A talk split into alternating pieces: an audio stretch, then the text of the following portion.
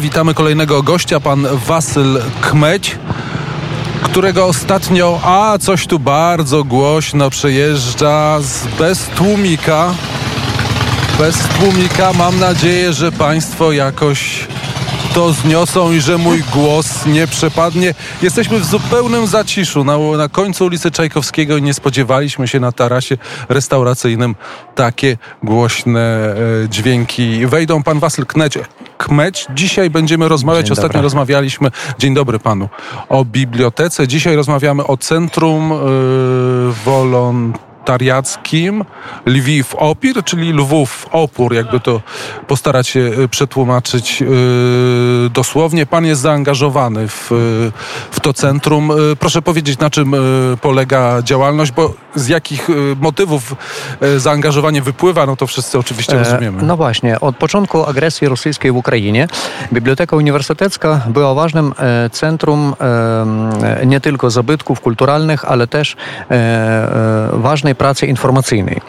E, W bibliotece mieliśmy też e, dużo pracy z rehabilitacją wojskowych przebywających Lwowie e, w, w, okre- w okresie leczenia, w, ok- w okresie rehabilitacji i właśnie biblioteka była ważnym ośrodkiem też dla przeprowadzenia różnych zabiegów powiązanych z popularyzacją kultury, nawet dlatego, żeby osmyśleć, rozumieć to, o co walczą nasi wojskowie. Ta, ten frazes Churchilla na temat, że o, o, dlaczego walczymy, jak nie będziemy myśleć o kulturze, był dla nas zawsze bardzo ważnym.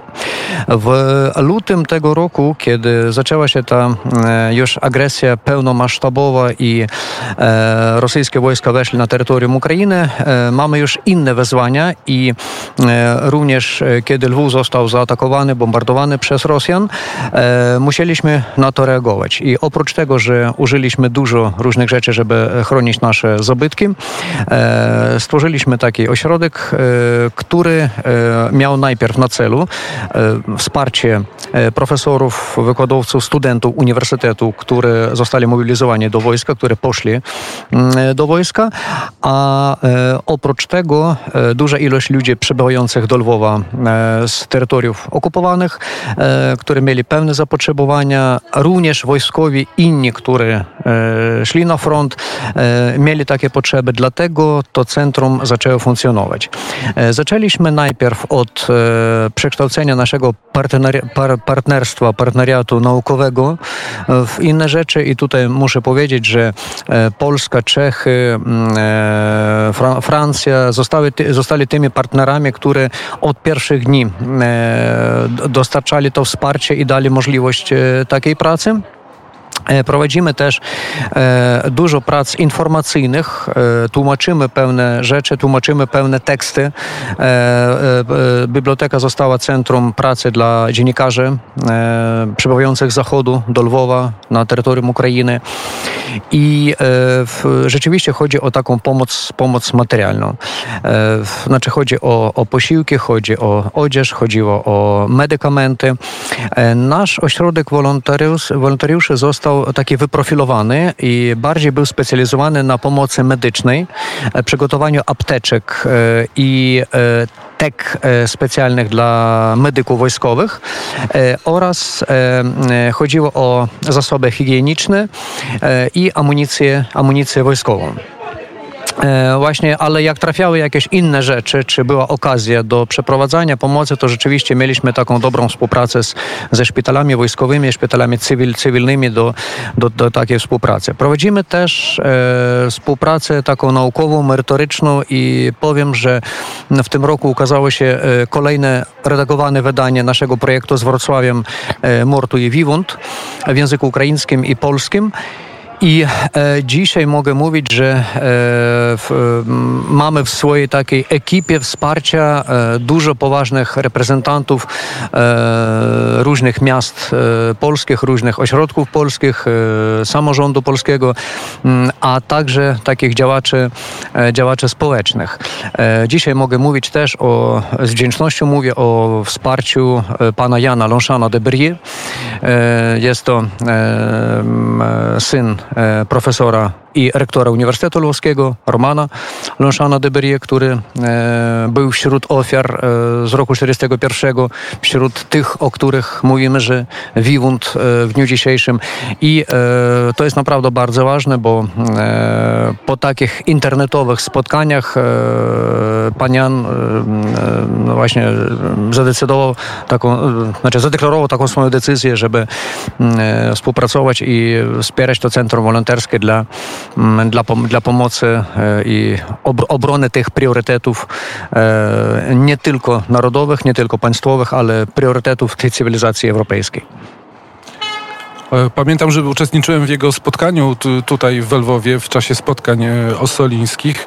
Nie spodziewałem się wtedy, że gdyby jego rola i fakt, że rodzina była związana z Lwowem, jak gdyby powróci, tak? To znaczy on teraz znowu coś robi dla Lwowa, już innego Lwowa, już po wielu innych latach, ale jak gdyby gdzieś jakby w genach było to zapisane, że to jest no Lwowem jest związany. E, takie to jest bardzo ważne, że ten Lwów e, w przestrzeni historycznej jednoczy ludzi i jednoczy pokolenia różnych przedstawicieli, bo mamy e, księdza profesora, Jan Lonszana de Berie z Krakowa i mamy właśnie, mm, e, właśnie syna rektora, tego ostatniego uczestnika, który, który wspierają i, i, i myślą też, e, no, jesteśmy w jedynej myśli, w jedynych pomysłach i e, w jedynych oczekiwaniach w dniu dzisiejszym.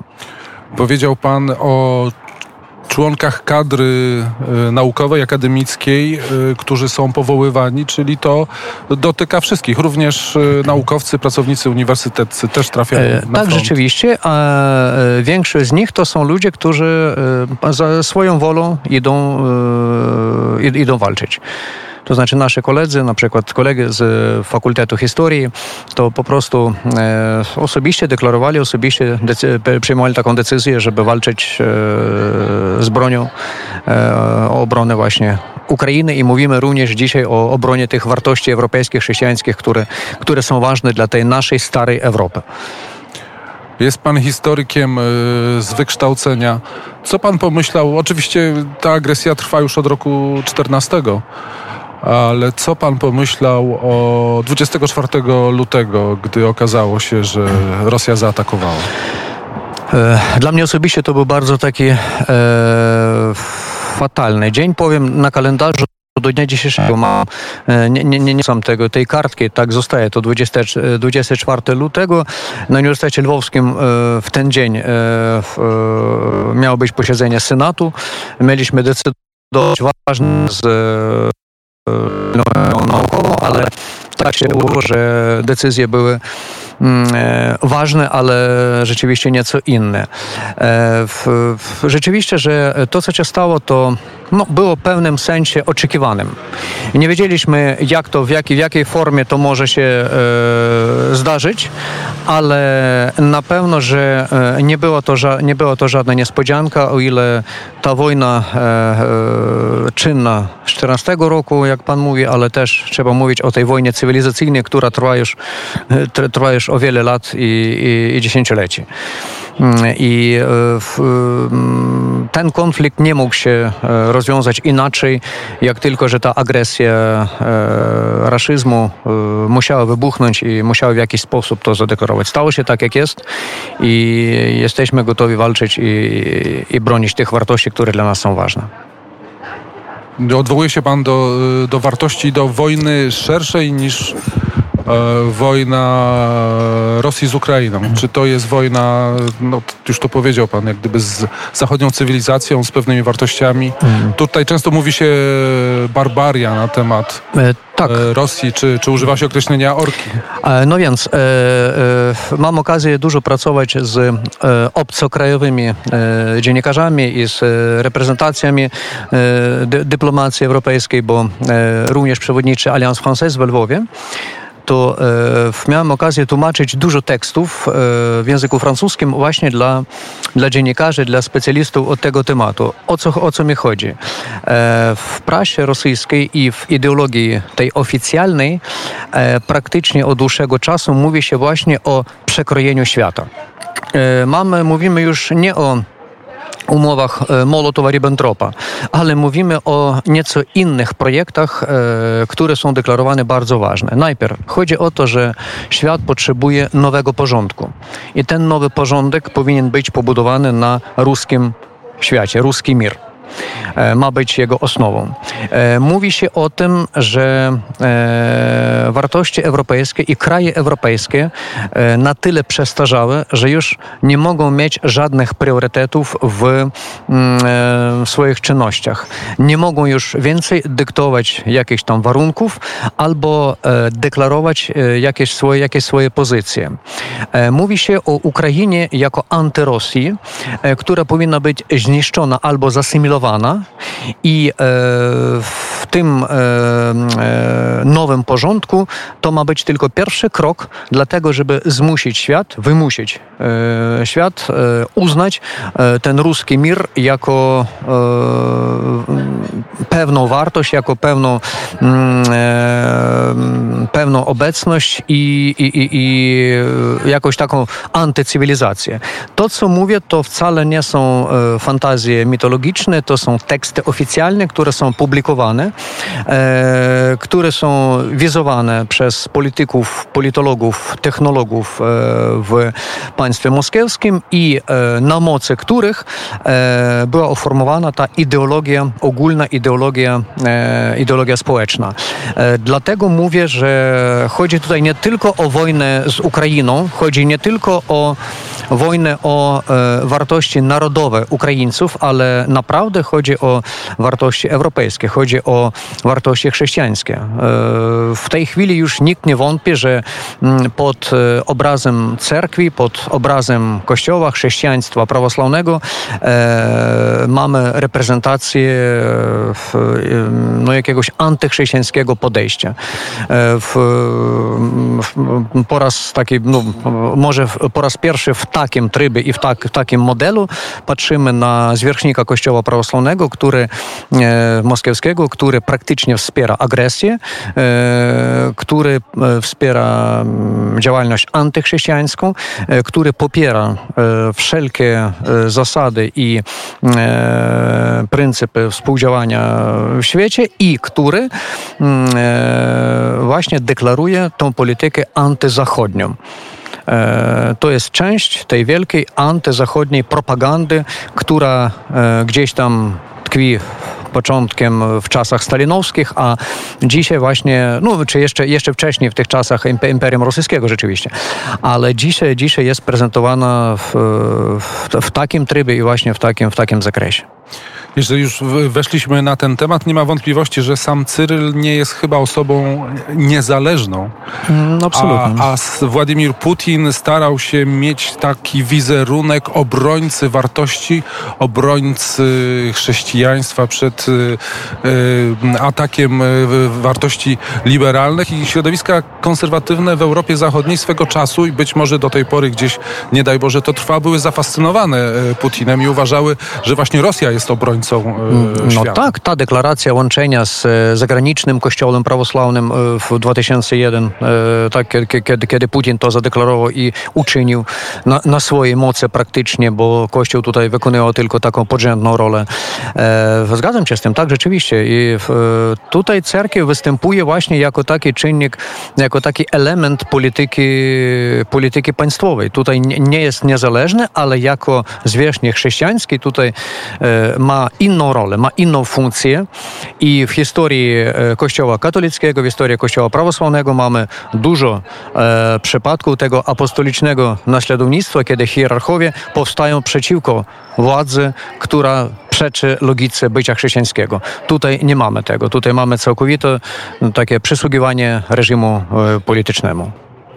E, Panie Wasylu, bo mm, tutaj nawiążę jeszcze raz do, do Pana zawodu mm, jako do historyka, e, a nie ma Pan wrażenia takiego, że cerkiew moskiewska, cerkiew moskiewska prawosławna, e, ona przestała być cerkwią już bardzo dawno temu, po odtworzeniu tak jakby niejako tej cerkwi za czasów stalinowskich, za czasów tak naprawdę II wojny światowej, ona przestała być cerkwią w pojęciu właśnie chrześcijańskim, jako takiego związku wyznaniowego, a stała się taką strukturą na usługach czasach no, systemu radzieckiego, no teraz rosyjskiego. Tak, w pewnym sensie tak i przed rokiem 1991 można było zrozumieć taki tryb bycia, bo taki sposób, e, w, pew, w pew, pewien sposób e, chronił e, część chrześcijan od, od prześladowań i zezwalał na, ist, na pewne istnienie, ale po 91 roku nie ma żadnego wyprawdania, nie ma żadne, żadnego wyjaśnienia dla, dla właśnie takiej formy kościoła, cerkwi prawosławnej, która funkcjonuje praktycznie jako departament państwowy.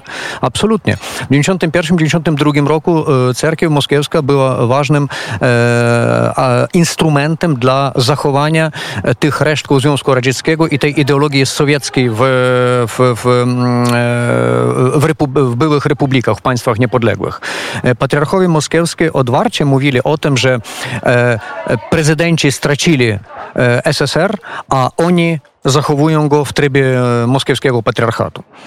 Właśnie tak, zgadzam się. Mieliśmy rozmawiać o centrum wolontariackim, a przeszliśmy do tych tematów, ale rozmawiam z historykiem, a więc, a więc to dobrze się złożyło. Pytanie, które chyba już panu zadałem rok temu. Jakie znaczenie miał Tomos? Bo tak wydaje mi się tutaj całkiem logiczne e, w, w, tej rozmowie. E, ze względów historycznych, kanonicznych e, jest to naprawdę bardzo ważne wydarzenie, bo na dobrą sprawę nie jest tworzeniem nowej sytuacji prawnej, ale tutaj na mocy patria orzeczenia patriarchy Bartolomiusza mamy powrót do sytuacji sprzed roku 1685. Jest to bardzo ważny krok, który nawiązuje właśnie do odnowienia tego statusu, który był tutaj przed moskiewską inwazją.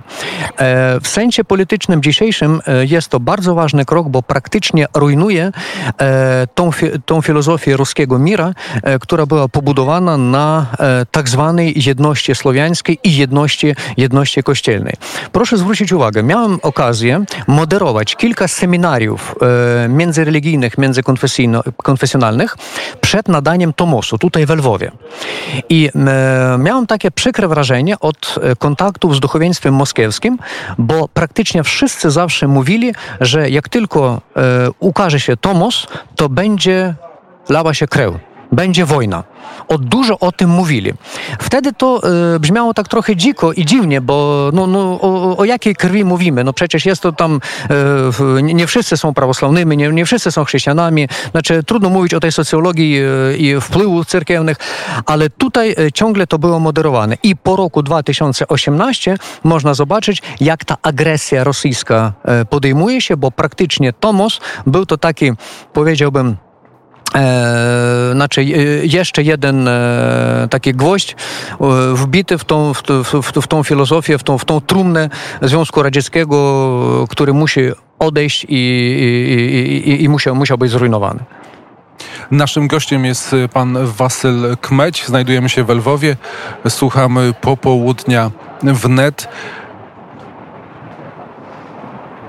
Miałem wrażenie, powiedział pan o tym, że mm, e, to było e, to było coś, co pociągnęło za sobą niemalże, zapowiadali ludzie, że może pociągnąć za sobą rozlew krwi. Pamiętam, że kiedyś byłem w Jekaterynenburgu w czasie, e, w rocznicę zamordowania rodziny carskiej. Tam była taka wielka msza czy służba, jakby powiedzieli prawosławni i wtedy widziałem, jak był przedstawiciel kościoła kijowskiego, ukraińskiej jeszcze cerkwi wtedy yy, prawosławnej i wtedy takie miałem wrażenie, oni nie popuszczą, oni nie zgodzą się i nie, nie pozwolą na Tomos. Tak, tak, ten fanatyzm religijny, który, e, który jest implementowany już w, w model polityczny, rzeczywiście m, mm, rozpatry, rozpatrywa sytuację w Ukrainie tylko jako część tego transformowanego nowego porządku. E, my się nie zgadzamy z tym. Z tym nie zgadza się świat, z tym nie zgadzamy się my i e, musimy nauczyć tego niedźwiedzia